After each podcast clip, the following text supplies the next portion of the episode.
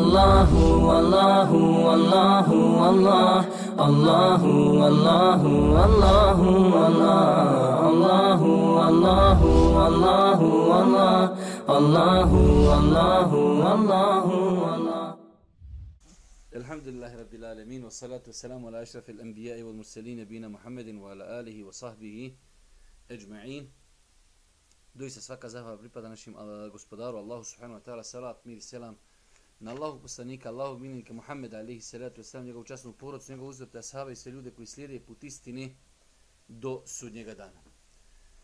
Braću moja draga, evo četvrtak kod Akšavom deci naš ustaljen termin u kojem se u projektu Čitavone družimo sa razno raznim knjigama.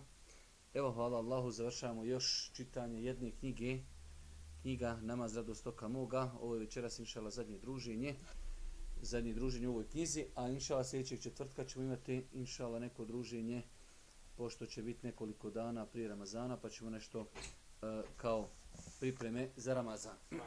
Alikum selam. Ovo su ovi iz Magribije. Mm -hmm.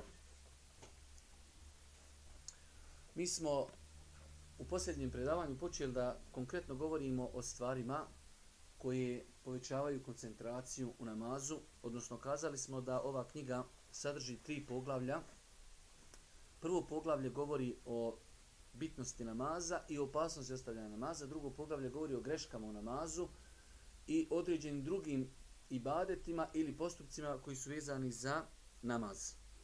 Nakon toga treće poglavlje govori konkretno kako i na koji način konkretnim E, postupcima da čovjek pokuša ojačati svoju koncentraciju na namazu i na taj način ako Bog da otklanjati namaz što potpunije.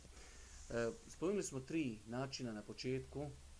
Govorili smo da je veoma bitno da čovjek bude svjestan činjenice gdje stoji u namazu, odnosno da bude svjestan veličini svoga gospodara. Rekli smo drugo pravilo da čovjek pokuša što laganije klanjati, jer brzo klanjanje i, i skrušeno klanjanje su dvije hajde da kažemo, stvari koje se ne mogu spojiti.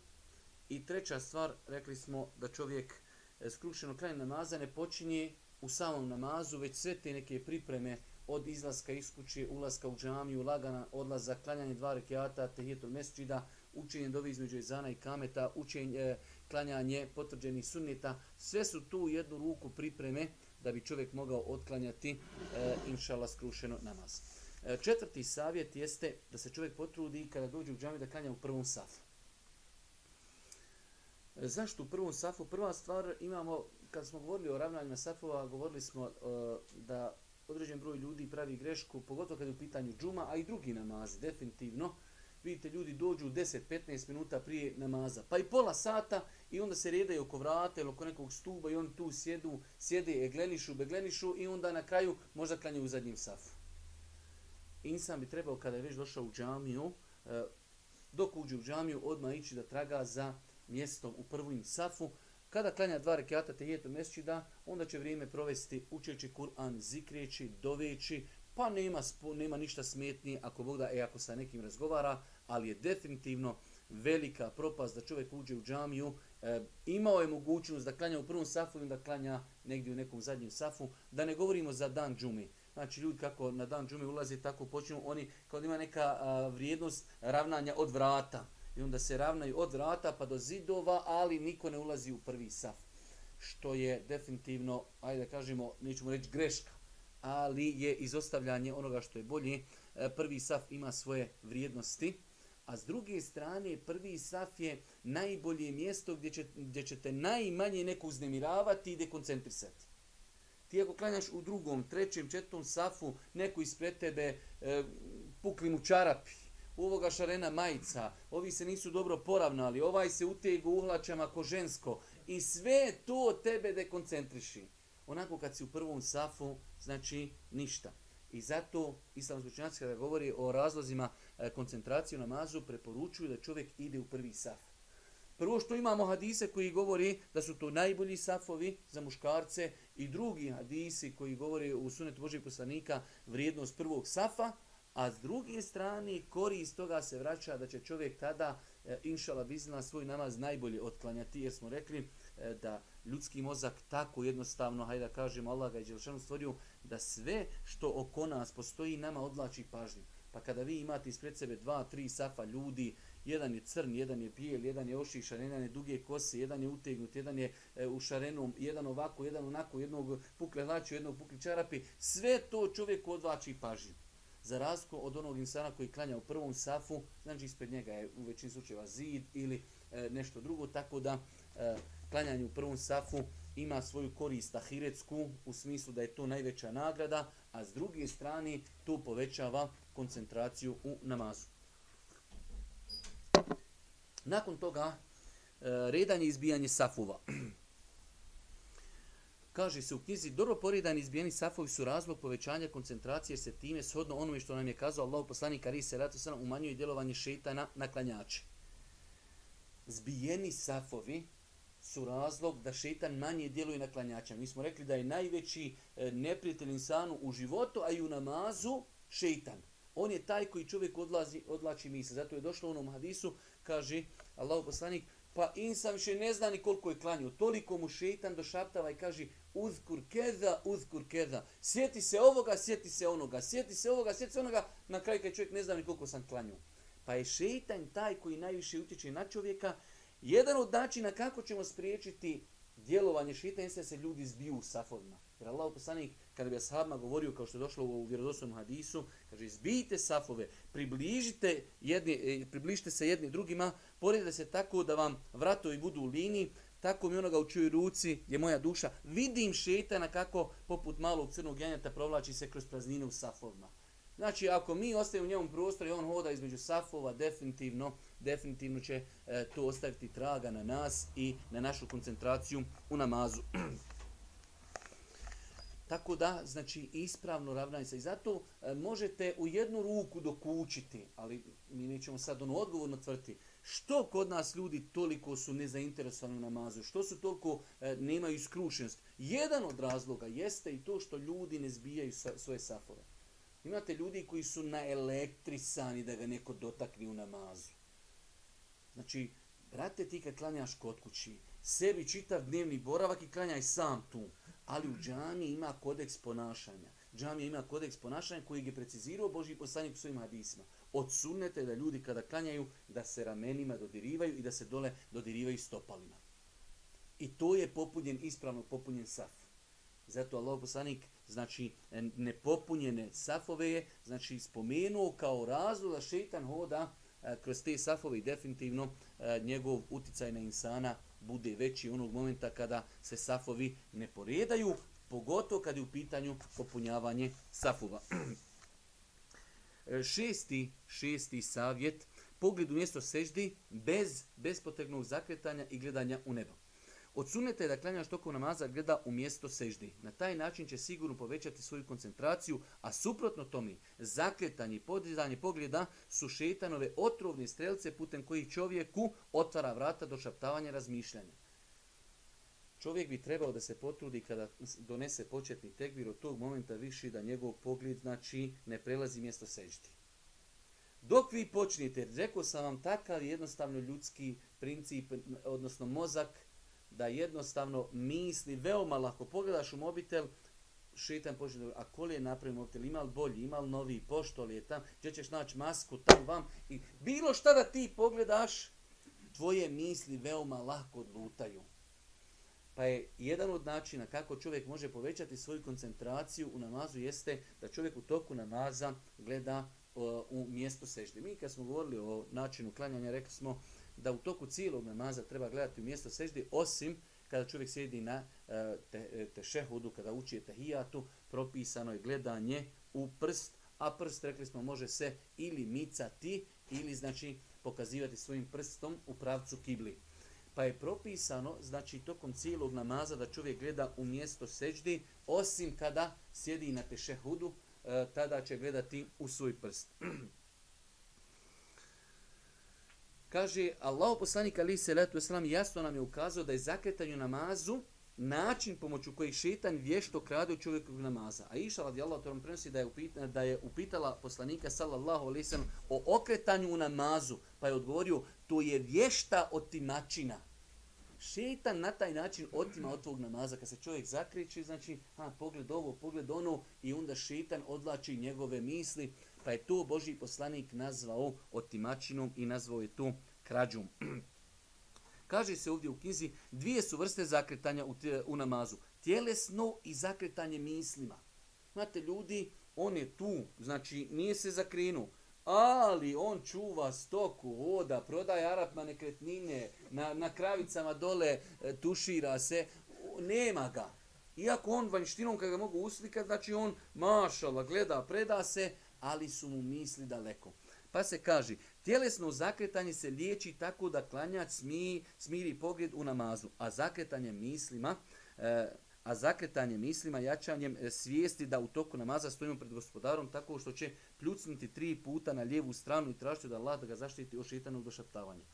Znači, tjelesno ćemo riješiti tako što gledamo predase, a misli ćemo što više ukrotiti na način da smo svjesni da stojimo pred Allahom i to je bio onaj prvi način. I druga stvar, ako zaista osjetimo došaptavanje, da čovjek tri puta pljucni na lijevu stranu kako je preporučio Boži poslanik, tražeći kod uzvišnog Allaha subhanahu wa ta'ala utočište od šeitana, znači njegovih došaptavanja. Pa rezimiram ovaj šesti način da čovjek se potrudi maksimalno da svoj pogled ne sklanja od mjesta seđdi, a svoje misli da pokuša maksimalno ukrotiti razmišljajući stajanjem činjenicu da stoji pred uzvišnom Allahom subhanahu wa ta'ala i ako dođe do toga, znači da zaista osjeti veliko došaptavanje šeitana i napade, da onda čovjek kljucne tri puta na lijevu stranu. Nakon toga sedmi način, ne klanjati na mjestu na kojem ima nešto što dekoncentriše klanjača. Znači ako insan ima mogućnost da bira gdje će klanjati, onda je dobro da odabire mjesto gdje ga ništa ne dekoncentriši. Ja sam vama više puta govorio da ashabi su imali običaj u svojim kućama da imaju, evo ti pa sad kad bi rekli da je ovako kibla, on, ili u ovom slučaju ovdje kibla, e, ljudi su u kućama imali svoje kućne mesđide. Kućne mesđide i to je bilo mjesto gdje su oni klanjali sve namaze. Dosta sahaba je znalo doći Božim poslaniku, kaže, dođi Boži poslaniće u moju kuću, želim da u mojoj kući mi na jednom mjestu klanjaš, će nama naš biti kućni mesčit. Pogotovo kad su u pitanju žene, jer muškarac opet ide dosta u džemat, znači e, u kućama, u kućama su od vremena Božijeg poslanika, e, znači su bila mjesta koja su bila, hajde da kažemo jednu ruku, ono baš specijalizovano, samo odvojena da bi se u njima klanjalo. Pa insan ako već može u svojoj kući u današnje vrijeme, u jednom čošku, u dijelu jedne sobe, lijepo sebi prostati da li se džadu, da li znači ukloniti neke stvari sa zidova koji će ga dekoncentrisati, e, sigurno je to dobra stvar. Kaže se u knjizi, Kada je riječ o dekoncentraciji u namazu, veoma je važno da klanjač isključi vanjske faktore koji će na njega djelovati i umanjiti mu koncentraciju. To podrazumijeva da na mjestu na kojem klanja nema nešto što ga dekoncentriše kao i na odjeći koji nosi. A Iša, radi Allah, kaže, klanjao nam je Allah poslanik u ogrtaču koji na sebi imao šare. Pa je rekao, ometale su me ove šare u namazu, idite s ovim ogrtačem kod Ebu Džehma, Ibn Huzeife i donesite mi njegov vuneni ogrtač koji nema na sebi pruge. Pogledajte, e, znači ovo je zaista fascinantan hadis ko želi da o njemu razmišlja.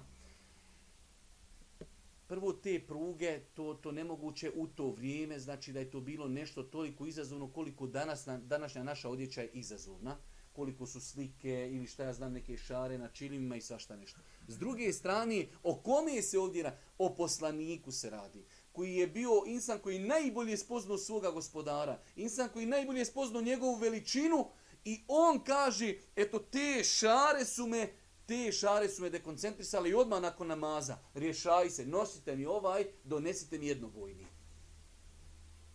Pogledajte e, dvije koristi. Koliko je poslanik pazio na svoj namaz da više nije dozvolio, pa dobro, hajde dok se podire ovaj ogrtač, pa neću ga više nabavljati. Ne, odmah nosi mijenjaj. Drugo, koliko je pažnje posvećivao koncentraciji. Do te da nazovimo je mi sitnici, nosite mi odjeću, ova odjeća me je dekoncentrisala u namazu. Pa insan, ako već, primjer radi, e, klanja e, ili u džamiji, pa smo rekli najbolje da klanja u prvom safu, ako klanja kod kući, da klanja na nekom mjestu gdje će mnogo toga isključiti kako ga ne bi ti stvari dekoncentrisale. Broj 8. O tome smo govorili mnogo puta, ali danas ćemo spomenuti jedan fascinantan, interesantan hadis, a to je e, smirenost u namazu. Da čovjek e, imamo smirenost, ono što smo govorili kada smo na ruku da se smirimo i to, ali isto tako dole u arabskom svijetu već možda zadnjih desetak, dvadeset pa i više godina, e, pogotovo kako su Arapi u većini slučajeva uveli sebi nošenje onih takozvani gutri ili šta ja znam, to je dole jedno vrijeme nastalo, znači ljudi, ne možeš vidjeti čovjeka da klanja skrušeno to je sam bitno, gdje je gutra, kakva je, jel vako, vako, naštimana nije, odeš na ruku i ona normalno se će se pomijeti, pa se vrapa, pa opet štimaj. Ljudi cijelo vrijeme namazati, gledaš ljude, znači ne možeš znati jel su li u namazu ili nisu, koliko se ljudi bili posvetili jedno vrijeme tim eh, mahramama koje oni nosi na glavi. Marama ko marama, ne možeš ti nju zakovat eksim, brate, ako si ti u zakuje za zalijepi i za glavu, pa će vrt, ona mimo toga. Stavi na početku namaza, klanjaj kad ustaneš, koga briga u namazu kako ti izgledaš. Ali to šeitan toliko ljepša, znači to je bilo interesantno s njim, koliko su ljudi tome i pažnje posvećivali. Pa pogledajte, znači, bitno je u namazu da čovjek pokuša što manje pokrita da pravi. Jer sve to utječe na koncentraciju namazu. Što manje pokrita. Pa poslušajte ovaj hadis, odnosno mali uvod. Za života Allahog poslanika, ali se ratu selam džamija, nije bila prosta čilimna pa su ljude imali potrebu da prije nego što učine seždu poravnaju zemlju ili kamenčina koji će učiniti seždu. Pa im je poslanik Ali se leto sam to dozvolio, ali da to ne radi osim jednim pokritom, kako mnoštvo pokreta ne bi umanjilo njegovu koncentraciju. Allahu ekber. U to vrijeme ljudi klanjaju, sad znam da mi negdje smo na izletu, prašina je put, tako su, takva je bila džamija Božih poslanika. Ono što je jedino što je imala zidove i gore malo natkriveno, ali dole je bila zemlja. Klanjali su na zemlji, na pijesku, kamenčići. Pa znači, ljude žulja. Nekad pa je Boži poslanik, kada su mu se žali na to, kaže, ako ćete ravnat zemlju, samo jednom prijeđi rukom i čini seđu. Kako ih mnoštvo pokreta ne bi dekoncentrisalo u namazu. Pa poslušajte, od Mu'ajqiba radijallahu ta'ala se prenosi da je Allah poslanik sallallahu alaihi vseleme o čovjeku koji poravnava zemlju na koju će seždu učiniti kazao ako već to moraš urati, neka to bude sa jednim pokretom. Komentarišući ovaj hadis, učenjaci između, osta, učenjaci između ostalog navode da je poslanik Ali se letu se nam dopustio da se to učini samo jednim pokretom, kako to ne bi dekoncentrisalo klanjača i kako ne bi time bio zaokupiran. Kaže Hafiz ibn Hajar, ja svatam iz hadisa da je razlog zabrane ovog, ovog postupka čuvanje skrušenosti. Znači samo jed, da ne bi ti sad, aha, čekaj da ja to lijepo sebi na, napravim. Ne, jednom što uspiješ pokretom poravnat kamenčiće i prašinu, dosta. Kako te tu ne bi dekoncentrisalo. Pogledajte, e, i svih ovih hadisa mi vidimo koliko su oni pažnje posvećivali koncentraciji u namazu. Mm, kada govori o potrebi klanjača da poravna zemlju ili kamenčiće na mjestu gdje će činiti seždu, je li to bolje da uradi ili se strpi i ništa ne dira, dio učenjaka Hanefijske pravne škole smatra da je bolje ništa ne raditi jer je to bliže skrušenosti i ne praviti nikakve pokrete. Čak, evo ja sam ovdje naveo citate, kazao je Ibn Nuđin, poznati učenjak Hanefijske pravne škole, ako ne mogne učiniti seždu, on će zemlju na kojoj čini seždu poravnati jednim pokretom jer je u tome kori za namaz. Tako je spomenuto u El Hidaj, opet poznato dijelo u Hanefizmu. U tome je omogućavanje činjenja sežde onako kako od nas traži vjera. Pa iz toga proizilazi da je, e, da je učinti to pri, e, prioritetnije nego ne učinti. Dok je u El Bedai, El Bedai opet jedna druga knjiga, spomenuto da je poravnavanje zemlje olakšica i da je prioritetnije da se to ne čini jer je to bliže skrušenosti. Allahu ekber koliko su ljudi, čak hanefijski mezheb. Kaže u knjizi El Bedaja, Bedaju Senaje je spomenuto da hanefijski mezheb kaže nemoj ravnat žulja, kamenčići, heravo, neke heravo, jedan taj pokret kaže on te već dekoncentriši.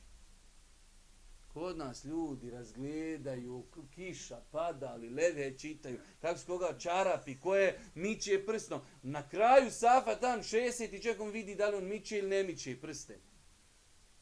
Allahu ekber učenjaci, ne su kažu, nemoj jednom, evo šta je to? Evo ovako, dođeš, poravnaš samo i sež, ne, ne, nemoj ni to činiti.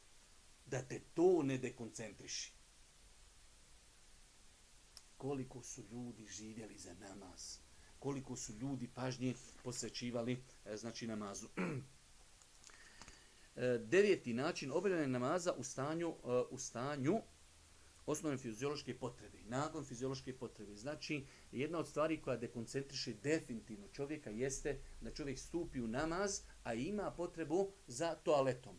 Bez obzira radilo se o maloj nuždi, velikoj nuždi, čak znači i trpljenje, nago napuštanje vjetra i uzma isti propis.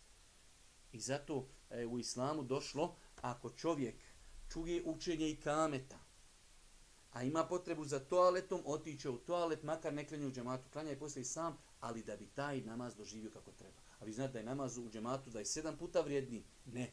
Propusti namaz, otiži, obavi šta trebaš, vrati se da bi klanju, hajde da kažemo, koncentrisa na namaz. Jer insan koji ima potrebu za toaletom, to je, svi mi znamo, njemu je namaz u kojem se uči fatiha i ina je tajna i fatiha i kulhu valla kao odužio hođa. Nije hođa odužio, brate, tebe natralo u WC. Ti sam brojiš sekunde koliko on uči. Ti ima kad ti više ne znaš ni, ni kakav, ne, ti sam kontašaš izgub tabdest. Hoće li diftunzi popustiti ili neće? I onda islam znači preferira ne idi, obavi, završi i onda kad klanjaš da se možeš koncentrisati. Jedna od stvari koja može bitno utjecati na skrušenost u namazu jeste i stanje velike i mali nuždi. Kada insan bude uh, opterećen tim nagonom, ne može se koncentrisati na namaz i ono što se u njemu uči. Islam je preporučio da se namaz ne obavlja u takvom stanju kako bi bio potpun. A Iša prenosi da je čula Allahu poslanika, ali sam kako je rekao, ne treba klanjati namaz kada je jelo postavljeno, niti kada se ima nagon za obavljanje velike ima, i, ili male ili velike nužde. Kazao je Bedrudin el-Ajni. Bedrudin, Bedrudin el-Ajni je poznati učenjak Hanefijskog mezheba. Sad on citiramo njega. Spominuto je u El Muhitu. Opet knjiga jedna i sad su neki momci bosanci na ovoj knjizi i magistrirali. Da je pokuđeno stupiti u namaz trpeći nagon za jednom od dvije fiziološke potrebe, a i nagonom za puštanje vjetra. Ako bi ga nagon prekomjerno opteretio, prekinuće namaz. Ako bi nastavio namaz, bi mu bio ispravan, ali je loše postupio. Znači, kažu učenjaci nefijskog meseba, ako bi čovjek klanio sa nagonom, ispravno mu je namaz. Pogledajte sad šta kažu drugi. Ovo je sve citat imama Bedrudina El Ajmija. Izniman je stav Ebu Zejda El Mervezija i El Qadija Huseina i šafijske pravne škole koji su kazali ako bi trpljenje nagona za dvije fiziološke potrebe bilo razlogom nestanka skrušenosti u namazu, namaz nije ispravan. On nastavlja i dalje, jer e, bukvalistička pravna škola Ibn Hazmova, oni kažu trpio si, odmah namaz u startu neispravan. Ljudi namaz proglašavali zato što si prekršio hadis u kojem poslanik rekao nemojte klanjati ako imate potrebu za fiziološkom potrebom. Ali opet sve s ciljem vidite da navodi glavni razlog nestanak skrušenosti. Pa, znači, do te mjeri su učenjaci išli da je skrušenost bitna ako si trpio fiziološku potrebu i nisi bio skrušan, skrušen, bilo je učenjaka, čak taj peti pravni meze, bukvalistička pravna škola, oni su smatrali namaz neispravnim. Idi prvo obavi toalet i onda ćeš klanjati pa će tek biti tada namaz ispravan. Džaba ispunio sve, okrenuo se, on bi ovi naše namaze sve, ić, ić, halo, vi ne trebate klanjati nikako, ću voz, ne klanjate nikako svaki dan jednom bratu napadnim ovako neke te moji aferi mi. Jednom uh, učenjaku Ibn Ateilu je došao čovjek i rekao mu, kaže, ja skočim u rijeku i veli, poslije iziđem iz rijeke i veli, imam šubhu, veli, da li mi je voda došla do svih dijelova tijela, veli, da li me je skvasila. Kaže, veli, e, sad, veli, trebam ja klanjati, ne trebaš, kaj ti si lud, ti ne trebaš klanjati. Nemaš potrebe, gospodine, bio pod vodom, cijeli i onda pontaš da li je voda došla do svega ili nije ili ti ne trebaš klanjati. Tako, ovi učenjaci, ovi, kad vidi kako mi klanjamo, razgledamo po nebesima rekli, halo, vi ne trebate klanjati, hajde, po skući. Vi ne trebate klanjati uopšte. Trpio skrušen, trpio fiziološku potrebu namasti neispravan. Mi trpimo non stop utakmice, trpimo serije, filmove, je li završio, nije. U nas na svakom predavanju znaš ima li utakmica i nema. Jer pola ljudi ima, onaj fali znači utakmice. Mi trpimo cijeli, cijeli život nešto u namazu, čovječ.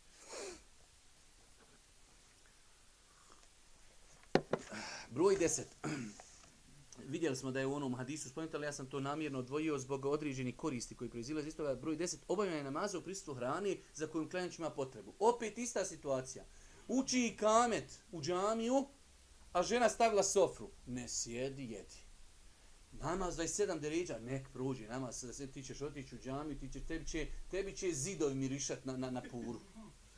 Tuđi čarap i reći, skočit ću na čovjeka, pojeću ga, misli da su ćevapi ti si od kuće ošao i u nosu je pura. I ti gore, ti klanjaš do tebe, ti njega viš kajmak. Sjedi paša, najedi se i onda kad klanjaš, klanjaš smireno. Pogledajte, ali vidite cilje, ovo sve je zabilježeno kod Buhari i muslima, koliko pažnje je poslanik posvećivao namazu, koliko je posvećivao skrušenosti, nemoj ići u džemat, ako je hrana posle, jedi i nakon toga ćeš klanjati. Kaže se, opet u onom vjerodostojnom mjestu, kada bude postavljena večera, a čujete i kamet za jaciju, vi počnite sa večerom.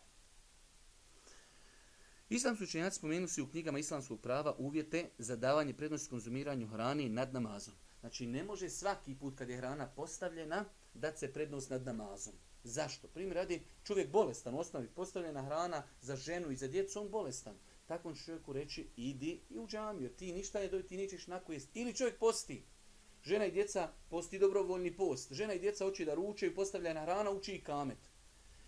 On će definitivno biti u datom momentu vezan za to hranu lunu osnovu, kad bi ostao kod kuće ne može jesti. Pa kažu islamski učenjaci, prva stvar, uvjet da bi dali prednost hrani nad džamijom, treba da se ispuni neki uvjeti. Prva stvar, da je hrana postavljena, jer ako nije, prednost će dati obavljeno namaza. Znači žena kaže, pa evo ja kuham.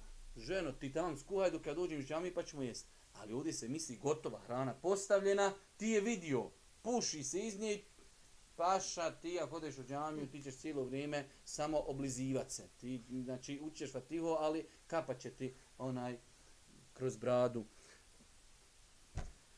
sok. E, broj dva, da čovjek ima potrebu za tom hranom.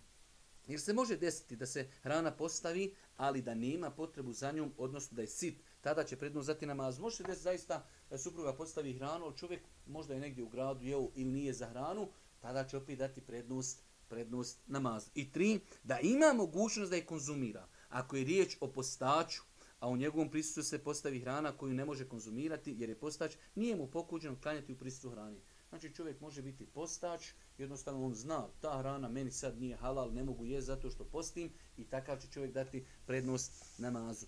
Ali u svakom slučaju pogledajte koliko je ulema o tom je govorila.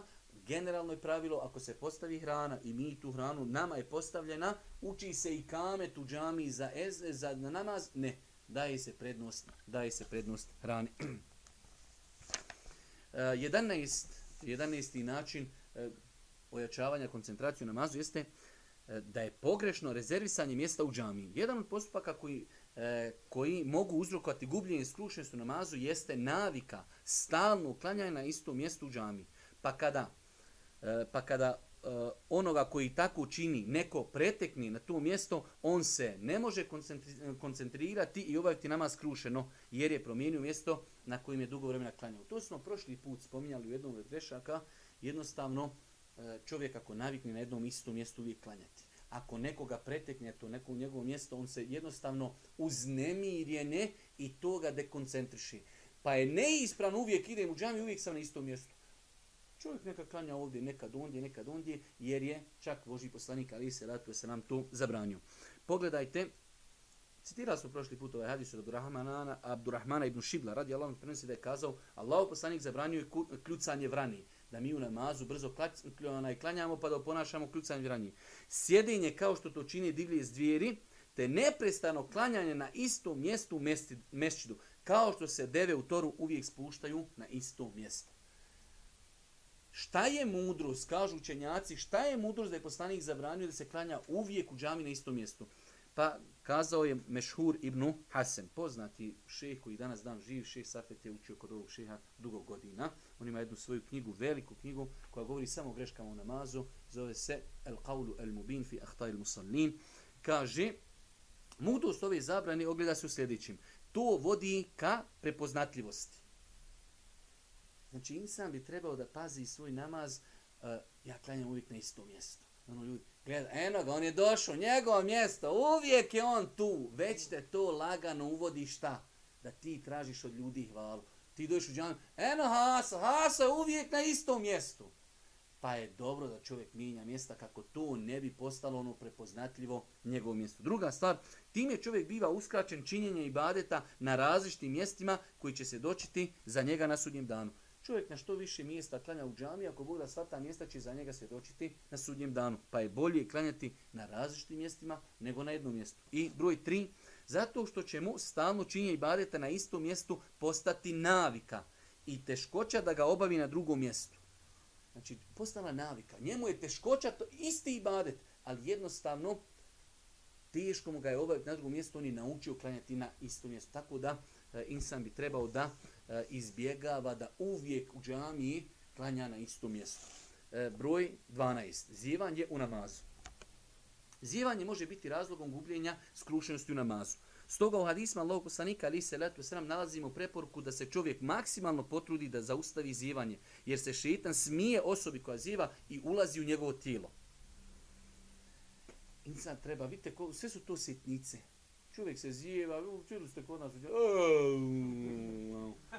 čovjek kad zijeva, šetan ulazi u njegovo tijelo. Kad oni uđu u tebe, paša, završena stvar. Ti ćeš razmišljati o svemu osim o namazu.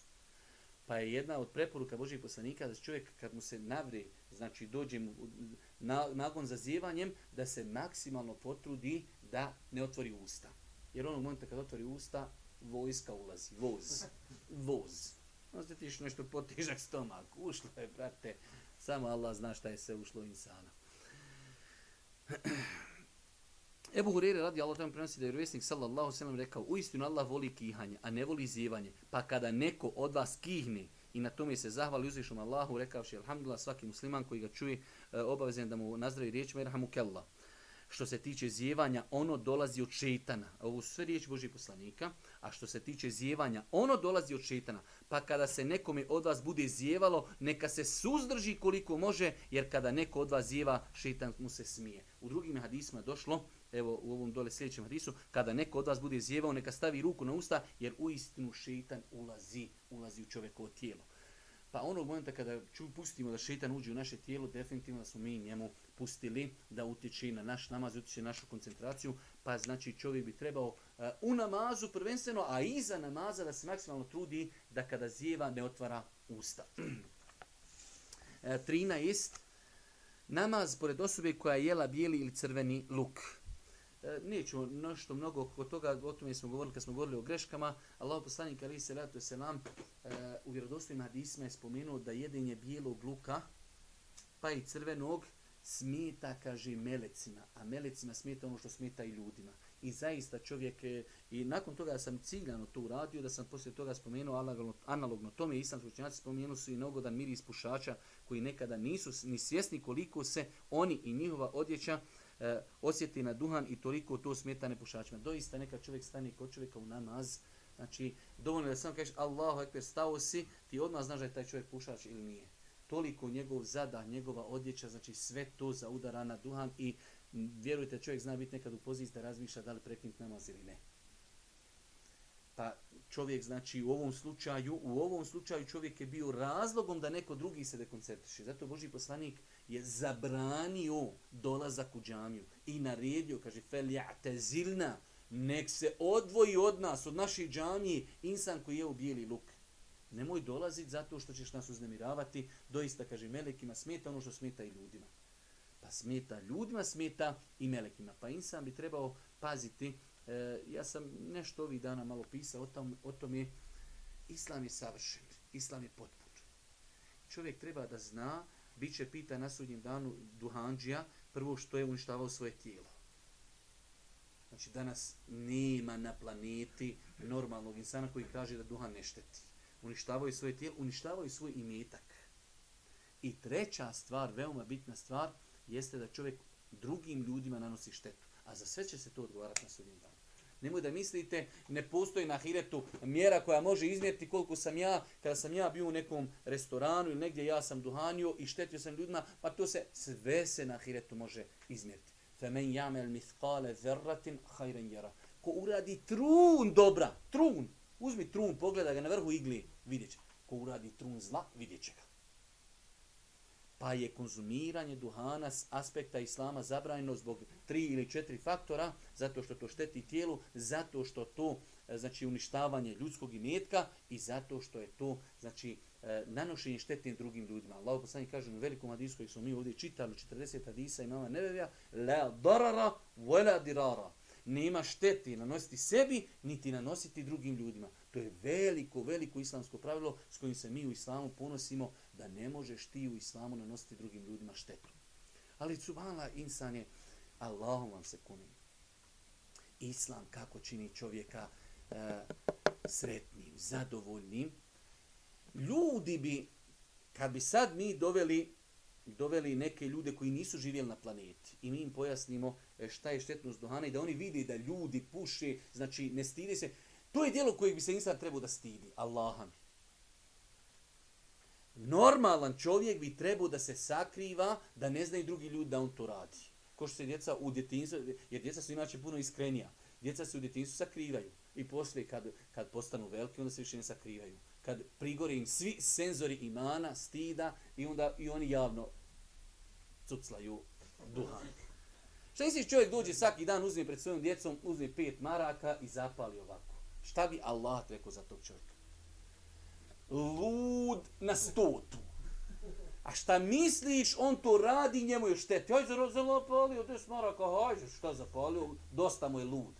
Lud zapalio i još to njemu, pojede mu bubrege i pojede mu sve, razumiješ, unutra. Ja gledam neki dan čovjek, neđe jadnik, on žuri, Znate kad čovjek žuri koliko prs, pluća radi, vrži koliko on udiš. On žuri, ali momak skoro pa trči i u ustima drži cigaru.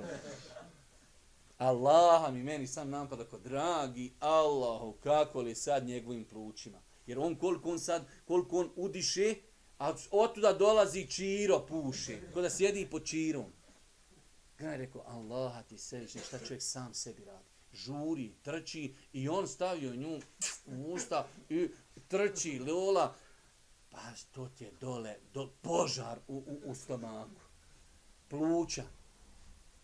Jak, ništa, slike tamo, oni kinezi jedni snimili onu mašinu, ono, stavi cigaru i prolazi kroz pamu, pa to poslije nakon deset šteka, to je crno, to je katren, to je zara. Ne, ne, ne, to ništa, kaj Hadži Huso je pušio 60 godina, ništa mu kaj je bilo, nije, zdrav bio kod Rim.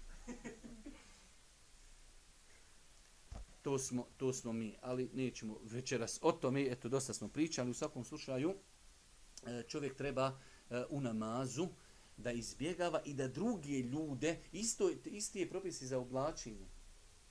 Čovjek treba da pazi e, da kad ide u džamiju, da ne oblači nešto što je zaista, što je puno upadno, što ima na sebi slika, kako ne bi druge ljude dovodio, hajde da kažem, u situaciju da ih dekoncentriši. 14. E, namaz prema perdi ili sutri. Ovo je slična korist nama, namazu u prvom safu vidjet ćete da su islamski učenjaci u svojim dijelima spominjali da je korist, mudrost pro naređivanja sutri u islamu da bi ona insanu povećala koncentraciju. Mi možda o tome nismo ni razmišljali. Zašto je naređeno islamu da čovjek klanja prema nečemu? Kako bi on se mogao više koncentrisati. Vi kada klanjate, ajde da kažemo, prema otvorenom prostoru, pa neko gore prođe, pa sve nešto, ne. Ali kad čovjek klanja prema nekom stubu, tu jednu ruku čovjeka, ajde da kažemo, povećava njegovu koncentraciju. Pa kaže se od Sehla ibn Ebi Hasmeta radijallahu ta'ala se prenosi Allahu poslanik kazao kada neko od vas klanja prema perdi neka ju se približi i ne ne dopusti šetanu da mu namaz prekida. Kazao je Mula, el, Mula, uh, e, Mula Ali El Qari iz ovog hadisa satamo da perda sutra spriječava šetan da zavoni klanjača i svojim došaptavanjem vesesama zavlada njegovim srcem potpunim i deli, potpuno ili delimično shodno njegovoj iskrenosti i okretanju ka Allahu tokom namaza.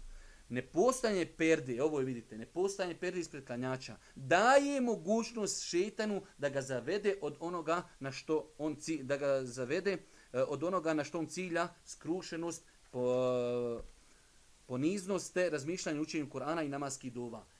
Kada ne klanjaš ti pored perde, kaže, to šetanu otvara vrata da te odvede od onoga što je ciljano namazom ciljanje namaz, kaže, skrušenošću, razmišljanje o Kur'anu. Pa insan, znači, treba da se trudi kada god može klanjati, da klanja blizu nečega, blizu zida, blizu stolici, blizu nekog stuba, u svakom slučaju, e, generalno je pravilo, ako je nešto naredio Boži poslanik, mi ne treba mnogo da filozofiramo, već treba da se tome pokorimo. A sigurno je u tome korist za nas. Nakon toga, ja da sam htio redati, a nisam po bitnosti uh, ovi način, ovo bi možda bio odmah drugi način po bitnosti nakon spoznaje Allaha, znači 15. način kako povećati koncentraciju, razumijevanje svega što se uči i izgovara u namazu. Ljudi, skoro je nemoguće, skoro, ako ne i nemoguće, da se čovjek koncentriše u namazu na namaz, a ne zna šta uči. To je, vjerujte, pa evo, hajde ćemo skoro, pa nemo, nećemo nešto nemoguće, možda ima, ima neko da možda može, ali na što ću se koncentrisati ako ne razumijem šta učim? Jer koncentracija jeste razmišljanje mi što učim. Ako ja ne razumijem, jer je to arapski jezik, ako ne razumijem, kako ću se koncentrisati? Pa je znači veoma bitno da čovjek odvoji svoga vremena. Hvala Allahu, pa imamo, vjerujte, sad je bio sajam knjige. Mi nismo svjesni u kakvim nijametima živimo. Mi smo imali sad na sajmu knjige oko 15 izlagača koji su prodavali islamsku vjersku literaturu. Što mislite da je to bilo 85. 90. godine? Pa imao si samo dvije knjige o islamu kompletne koje si mogu kupiti. Pod zastavom Muhammeda i e, Talimul Islam, nama salat. Nemaš više ništa paša. Sad, hvala Allahu, stotine, ako ne i hiljede knjiga. Jedna od tih knjiga jeste knjiga Šeha Safeta Kudzovića u kojoj sve dove koje Šeha citirao, prvo su e, spomenuti izvedba hadisa, vjerodostojnost, nakon toga transkripcija, nakon toga prijevod. Znači uzmeš dovu koju učimo namazu, daj da vidim šta ta dova znači, da se sutra mogu koncentrisati. Pa Fatiha šta znači, pa Subhaneke šta znači, pa Etehijatu šta znači, pa zikr neki ono, šta znači, da se sutra mogu koncentrisati na ono što se uči u namazu pa je pomeni nakon spoznaje da čovjek stoji pred Allahom, gospodarom zemlje i nebesa, ovo ključni faktor.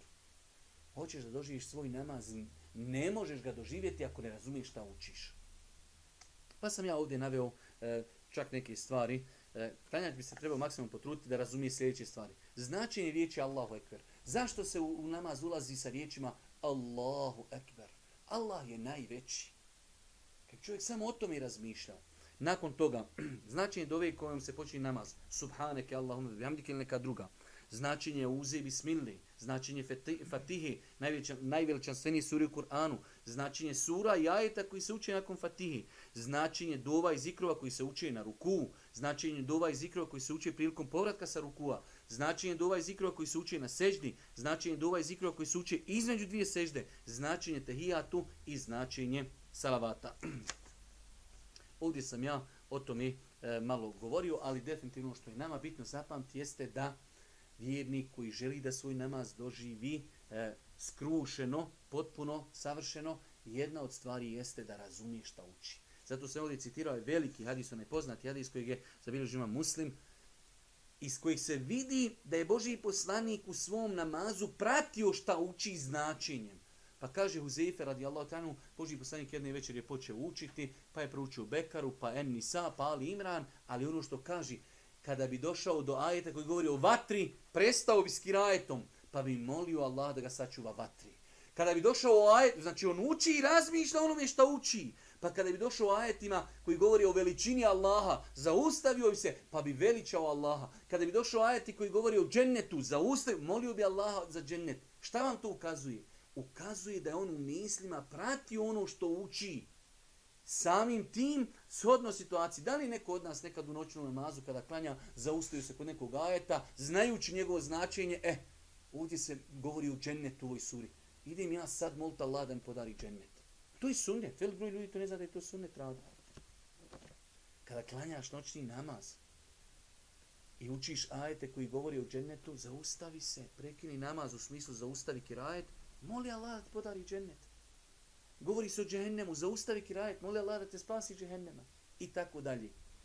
Ali nam to ukazuje da je Boži poslanik živio sa namazom, živio je sa značenjem živio, živio sa značenjem e, onoga što uči.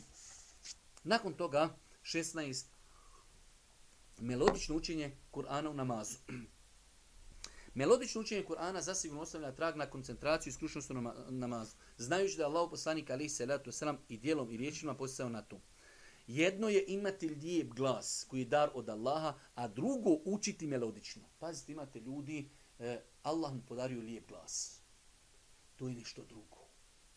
Ali svako ima mogućnost da pokuša da pokuša učiti Kur'an melodično. To je ono što se od nas svih traži da čovjek se opusti u namazu i da lijepo melodično uči Kur'an. Sad ja ne bi da ulazim o tome što mi dosta u slučajima ne znamo učiti melodično, osim da mijenjamo značenje jer ne znamo teđvid, pa onda kod nas neko ko zna ono što ja pričam, zna o čemu ja govorim. Kod nas je bitno, ako neko ima lijep glas, daj ga i on kad počne dodavati dožine, oduzmati dožine, bitno je da to vanjštinom lijepo zvu, a što uči Allah. A čovjek koji zna šta se uči, ufati se za stomak šta čovjek radi od toga. Ali melodično je da čovjek znači, može se učiti Alhamdulillahi Rabbil Alamin, a može se učiti Alhamdulillahi Rabbil Alamin. Da čovjek u granicama njegove mogućnosti uljepša glas to ostavlja traga na kirajet i ostavlja traga na koncentraciju. Kaže se od Ebu Lubabi, radi Allah, to nam sprenosi da vjerovjesnik, sallallahu alaihi sallam, rekao, nije od nas onaj koji se ne trudi da melodično, melodično uči Kur'an. Nije od nas, ne pripada nama uopšte. Krupno, Boga mi, pokrupno, pokrupno. U drugom hadisu kaže Allah poslanik, zajinul Kur'ane bi asvatikum, uljepšajte Kur'an svojim glasovima. Kur'an je lijep sam od sebe, ali ga čovjek može uljepšati svojim lijepim melodičnim učenjem. E, broj 17. Učenje dova i zikrova prenesenih od Božih poslanika, ali se letu wasalam. Ovdje se misli, prvenstveno, braću moja draga, e, da imate mjesta u namazu gdje je preneseno viši različitih dova. Evo ja vam garantujem da e, možemo slobodno kazati 90% ljudi u Bosni koji klanjaju, nauče za svako mjesto po jednu dovu i idemo tako čitav život štajnicama. Nauči se subhanek Allahum da bihamdike i čitav život subhanek Allahum da bihamdike. Šta je tu problem? Ta dova tebi postaje rutina. I ti, znači, ja sam kad sam bio na fakultetu, tek počeo studirati u Medini arapski jezik i došao na, na ispitu iz jednog predmeta mi tek jezik napišete hijatu. tehijatu ja klanjam od, od, od, od šestih godina učio klanjati. Znači, 30 godina, ja ga nisam znao napisati. Zato što ja njega, ja njega u namazu znam. Eto, jer leve se kad je trebalo napisati, ne znam ga napisati si kruh. Zato što ga učim automatski. Ne razumijem, ja ti njega izbiflam u, u cugu ko, ko najbolji kari. Ti je tlav sada, pum, pum. Zaustavio se, nisam dihnuo, nisam, šta sam rekao, ne znam šta. Završio sam se tehijat. Kad sam ga trebao napisati, svojim rukama nisam ga znao napisati. Pa mi stvari učimo rutinski. Selam, ali selam. Utakmica, požuri, idemo i to i to. Pa imate na početku. Ši Safet svojoj knjizi navodi, ne znam, možda sedam, osam raštih dova koje je Boži poslanik od poslanika preneseno da je učio prije Fatihe.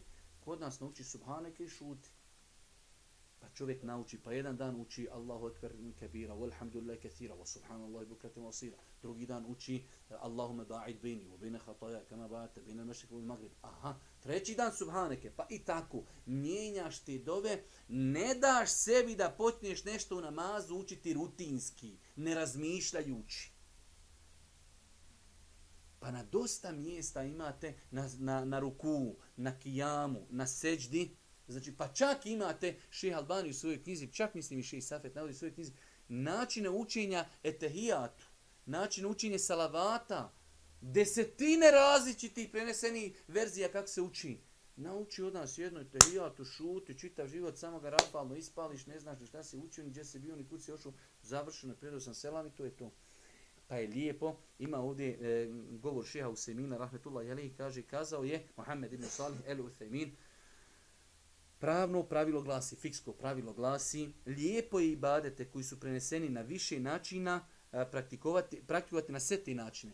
Dosta puta su mezebi imali pra, pravilo kao ako je neki ibadet prenesen na nekoliko načina, odabrat ćemo mi u mezebu jedan od načina i potom ćemo. E, što se poslije godinama vremenom pokazalo da nije bilo dobro. Treba ljude učiti da ljudi ne uče sve šablonski, već da ljudi, ako je došlo da je Boži poslanik učio deset duva, zašto nije ne bi učili deset duva?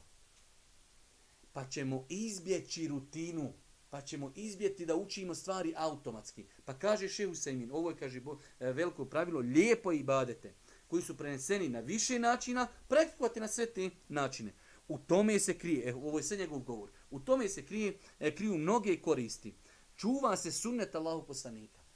Nije ovako kad učio samo subhaneke, subhaneke su za 20 godina, nema više nikakve dove, sam su uči subhaneke. Ne, treba očuvati sunnet Božih poslanika, ali se rad. Olakšava se ljudima, Jer su neki načini lakši od drugih. Evo imate dovu koja je meni puno lakša od subhaneke. Allahu akbar kabira, walhamdulillah kathira, wa subhanallahi bukate wa asila. Nekome je lakše to naučiti nego subhaneke. Pa kad ti čovjek kaže, evo imaš tri dove, jedna malo duža, jedna kraća, jedna malo ovako lakša, aha, ja ću ovo naučiti lakše. Ne, ne, subhaneke, ne, ne, ne, ne, nikako baš. Pa je, u tome imaš vrste tehijatu. Evo imaš ovo, imaš ovo, imaš ovo, pa nauči koji ti je lakši u tome je olakšica ljudima i kaže treća stvar, to biva razlogom prisutnosti srca te odagnava ljenost i monotoniju. Prisutnost srca kad ti učiš različite dove, nekad učiš samo sve automatski. E, broj 18. Sjećanje na smrt. Imamo hadise u kojima Allah poslanik ali se ratu sram, iako u pogledu tih e, hadisa, inšala postoji malo i razilažen, ših Alban je ovaj hadis ocjenio Hasan dobrim. Od Enesa radi Allah, prenosi Allah poslanik e, kazao, sjeti se smrti u namazu, e, znači prije namaza, jer ako se čovjek sjeti smrti, to će biti razlogom da lijepo obavi namaz i obavi namaz osobe koja misli da neće klanjati drugi namaz. Čuvaj se svake stvari zbog koje ćeš se sutra izvinjavati. Ali sjeti se smrti. Pa je jedan od načina se čovjek koncentriše u namazu šta? Da pomisli da kaže možda mi je u zadnji namaz. Ti kad sebi im kaže, pa slušaj, ja ću, tek mi je 40 godina, ja ću živjeti 30 godina, u ti 30 godina mama, ja još klanjam, pa dobro, ako ovaj sad ja nabrzo ne otklanjam, bitno mi da znam koliko je igrala utakmica i to je to, hajde požurim. Ali ti se kaj, brate, ovo ti je zadnji namaz. Šta sad ujagmiš, ujagmio si. Boga mi onda drugačije gledali mi.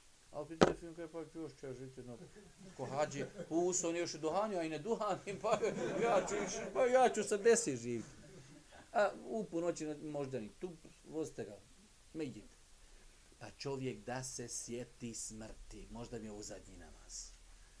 Možda mi je ovo zadnji namaz. Kaže se u drugom hadisu od Ebu Ejuba, prenosi se da neki čovjek došao Allahom poslaniku, ali sam kazao, Allahom poslaniku, poduči me, ali nemoj da to bude nešto dugo. Allahu poslanik je govorio kada ustaneš da klanjaš obavi namaz onoga ko se oprašta od dunjalka i nemoj izgovarati riječi zbog kojih ćeš se sutra izvinjavati. Oprašta se, kažu ti, hajde klanjaš tada rekiate i nemaš nakon toga ništa. Kako od Boga taj namaz ti klanja? Treba dobi da ga klanjaš što potpunije. E tako insan treba sebe pod jednu, da kajemo, natjera da se koncentriše. Kaj sebi, možda mi ovo, a možda je zaista je tako. Jednog će dana tvoj, tvoj namaz doista biti zadnji tvoj namaz. Samo pitanje koji. Pa bi mi svaki svoj namaz trebali što bolje iskoristiti i sami se reći možda ti ovo zadnji namaz. E, broj 19. Spoznaje da od namaza imamo onoliko koliko smo u njemu prisutni i skrušeni. Pitna stvar kako čovjek sebe može natjerati da bude iskrušen, da sam sebi kaže, halo, od namaza ti se upisuje onoliko koliko si bio skrušen. Sve ono što nisi bio skrušen, što si prodavao arepa, nekretine, vozovi po kravicama, sve što si e, čatovo, Facebook, sve ostalo, i ništa, ne broji se. Kaže Allah poslanik ali se ratu se nam, ima ljudi koji završi s namazom, a od njega im je upisana samo desetina, devetina, osmina, sedmina, šestina, petina, četvrtina, trećina i polovina. Ima ljudi desetina. Ja nikom bio klanju sve, pa 10%. Ostalo je, ostalo je bio na moru. 10%. Znači, bio si 10 minuta u namazu, klanio si 10 minuta, minut si bio skrušen, minut mu pišao i 9 baci, ono ko što je prije bilo, baci pola nizvadu i to je to. Baci nizvadu i završeno stav. Upisano ono, onoliko koliko si bio skrušen. Pa insan, ako ću već ići u namaz, ako ću već klanjati, ako ću već abdestit, daj da onda budem iskrušen. Upućivanje dovi u namazu, jedna od metoda kojom se može povećati skrušenost je upućivanje dove tokom namaza na mjestima gdje, to, gdje je to propisano. Naravno kada je u pitanju sežda. Sama činjenica kad čovjek na seždi, na namazu, pa dovi, e, samim tim se on vezuje za Allaha, jača svoju vezu. Taj namaz više nije rutina. Ja imam, ja imam kontakt, dozivam svog gospodara, jednostavno taj namaz je polučio svoj plod. To mi hoćemo. Čovjek dođe i da, da onog momenta kada možda nekad Efendija kaže Allah, kaže, de još malo sačekaj, dovim. Da li smo to ikad doživjeli? Da doživimo slast, skrušenost, da, da, da ti se ne ustaje sa seđdi. E to je, to je plod pravog namaza. Da se tebi ostaje u namazu, a ne da ti se žuri da iziđeš iz namaza. Da li, da li, da li, ne daj Bože nismo mi od toga, ali da ti neko kaže, brate, bit ćeš tri minute, ne vrijeđujući sa Ronaldom neđe. I kad vrijeme izi, da, još sam minut, e, da mi se potpiše na adres. Ti imaš prilike stojiš pred gospodarom. Kad bi mi to samo razumijeli. 21. Klanjanje potvrđenih sunnita, pogotovo oni prije farz namaza. Čovjek, rekli smo jednostavno, i namaz, namaz e, je ibadet u kojem puno znači priprema. Pa kada čovjek, vidjeli ste e, auto, upališ pa da se malo zagrije. Čovjek e, hoće da igra futbal, šta? Malo se zagrije, ako ne zagrije se pukla noga i tako da. I namaz, razlika kad čovjek dođe u džamiju, pa klanja hijetul mjesec, lagano. Pa nakon toga klanja sunnete prije podni, lagano. I onda on kad dođe u farze, on je spreman. On je spreman. Za razliku čovjeka uči jezan, požuri, trči, gor došao hođa, Allahu ekber, on, Allahu ekber, on jadnik, kad je prelazio cestu, autom mu svirilo, mal ga nije udarlo, tamo on razmišlja o autima, razmišlja, je li zaključio auto, dok ovo kad klanjaš sve, aha, je zaključio auto, otiću, provjerit ću auto, sad nijaš, prašaš, sad si u farzima, sjedi, šuti. A jesam cipele sklonu, pa džesam, i neće ukras, pa lijevo, pa desam, pa jesa ti, esalam, alaikum, selam, cijelo vrijeme sti u namazu, razmišljao o autima, o cipelama o, o, i tako dalje. Pa je e, klanjanje sunnita, tahijetu mešćida prije namaza, sigurno jedna velika priprema za dobro obavljanje, dobro obavljanje namaza. Uznemiravanje drugih svojim učenjem i zikrom, o tome smo govorili dosta puta, od Ebu Sa'ida kazuje, se prenosi. Allah poslanik Ali Salam bio je u itikafu u svojoj džami, pa je čuvši nek, neke kako glasno uči Kur'an. Pazite, glasno uči ljudi Kur'an. Kod nas, eh, aj možda vam nekad drugi put o tom budem pričao. Kada ljudi rade određenu novotariju, ti na tu kada pa je li bolje da budemo u kafanu da radimo to? Da, može čovjek raditi novotariju koja ima osnovu u islamu, ali radi na način neispravan i to je neispravno. Ko što kod nas ljudi na početku namaza uče tri puta kulu valla. Neispravno, uznemiravaš, ja klanem tada sunnete. Čovjek uzme mikrofon, uči, halo, vama sad smeta učenje Kur'ana. Smeta mi, tu, u tom mjestu mi smeta. Da, smeta mi. Pogledajte ovaj hadis, jer odostojem. Poslanik čuo ljudi uči Kur'an. Šta bi mi rekli? Ma ne diraj, uči Kur'an. Ne, ako ćeš ti time uznemiravati nekog drugog, ne može. Idi si ne kod kući, stavi slušalce u uši i uči koliko god hoćeš uznemirati. Ali u džami, ovo je naša džamija svih. To je Božja kuća. Kaže, pa je Allah poslanik čuo kako glasno uči Kur'an, odgrnuo je zastor i kazao, zaista vi dozivate svoga gospodara, zato nemojte jedni druge uznemiravati i podizati glasove iznad drugih tokom učenja Kur'ana ili je kazao dok ste u namazu. Znači, ne mora znaš tako radiš dobro djelo, da sa tim dobrim djelom ne možeš nekog znam. Može. Ovo, je, ovo se odnosi na ono učenje naše kulhu valla, tri puta naglas na mikrofon u džamijama prije i kameta. Ti klanjaš sunete i čovjek uzme uči, ti sam za njim, ti sam na tam kad maš uči kulhu ništa drugo. baš. Mjesto Fatihe ja učim kulu valla. Nema šta, brate. Kad on uči kulu valla, ili kad ti bratu namazu, ti dođeš na Fatihe, on kaže, vele dalin. Brate, ja moram na vele dalin, oti za njim, ja nijem pojma gdje sam. I ti došao do vele dalin, on kaže, I jake nabudu ve jake i ja opet i jake nabudu pa za njim opet čekaj dok li kad će on opet sljedeći put naglas progovoriti. Brate, klanjaj za sebe. Imaš ljudi, vjeruj, trojica ljudi vaku u safu i trojica vaku znaju šta on uči. I zikrove, i sure koje je učio, i fati, sve zna šta je učio.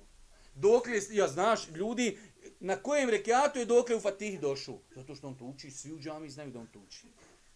Brate, klanjaj za sebe.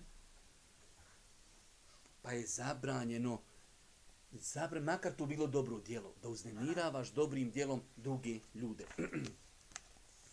E, imamo zadnji e, dio, o, ovome se zaista moglo dugo pisati, ja sam neke stvari rezimirao, a to je borba protiv šetanskih došaptavanja.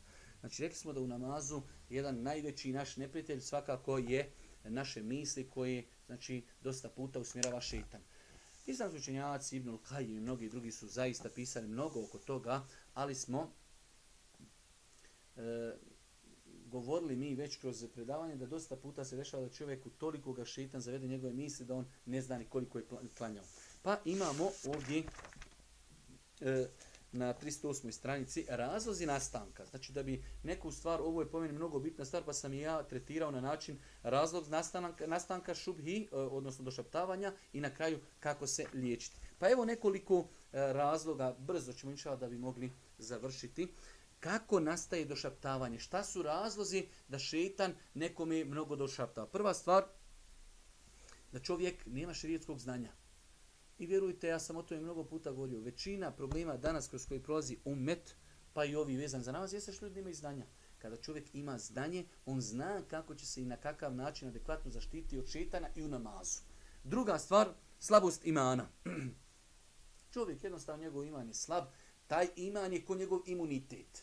Vidio se kad čovjek ne slabo imunitet, oboli od ovoga, oboli od tako isto čovjek.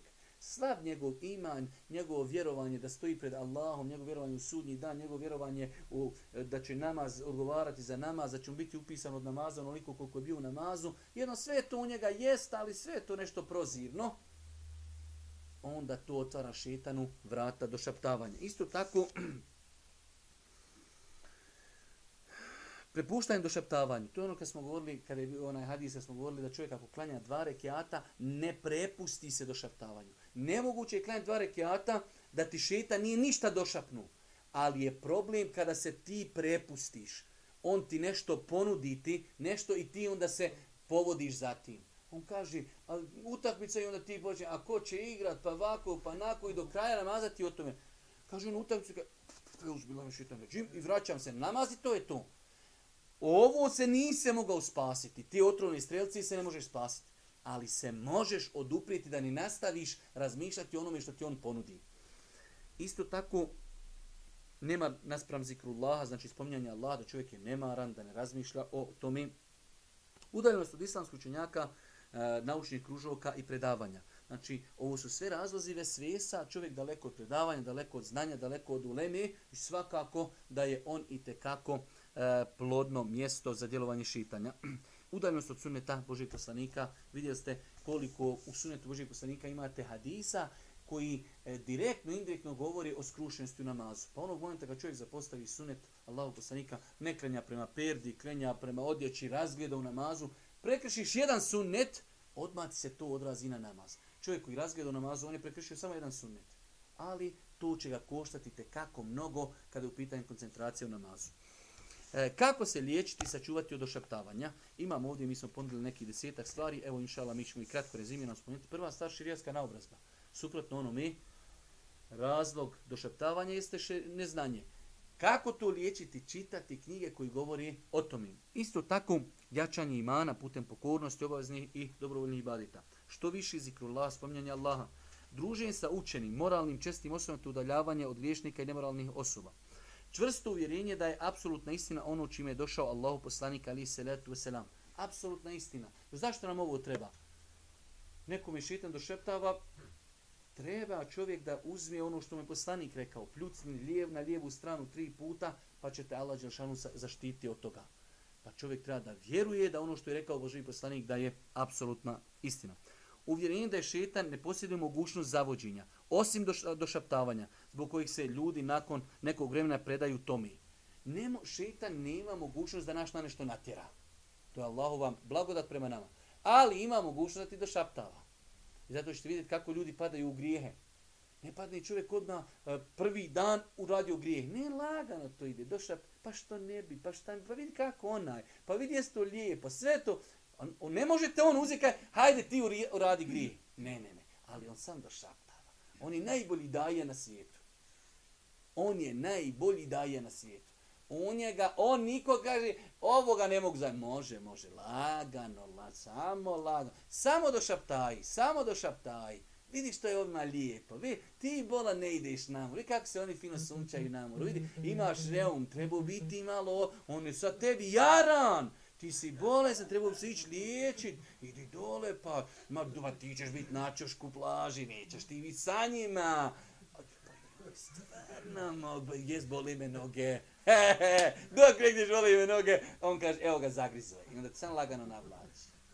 Sutra ideš na banderi, piše ponuda ulcin. A vidiš, ovo je neki znak da bi ja trebao otići. Eto vidiš, ovo, ja jučer nisam vidio na banderi. Aha, on samo opet još nateže. Ja.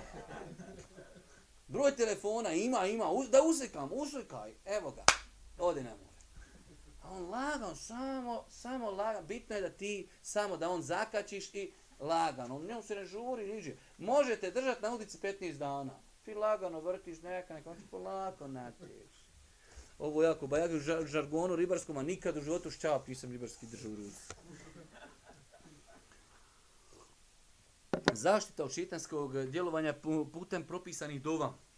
Prenesenim vjerodosnim eh, hadisma Božih poslanika, ali se letu se nam, izbjegavati bespotreban boravak na mjestima okupljanja džina i šitana, kupatilima i nužnicima kada bude siguran da je uzeo abdest ili se e, propisano okupao ili obukao čistu odjeću, neće se osvetati na šitansko došaptavanje da je izgubio abdest, da nije potpuno uzeo gusul e, ili da mu je odjeća nečista sve dok za to ne bude imao jasan dokaz.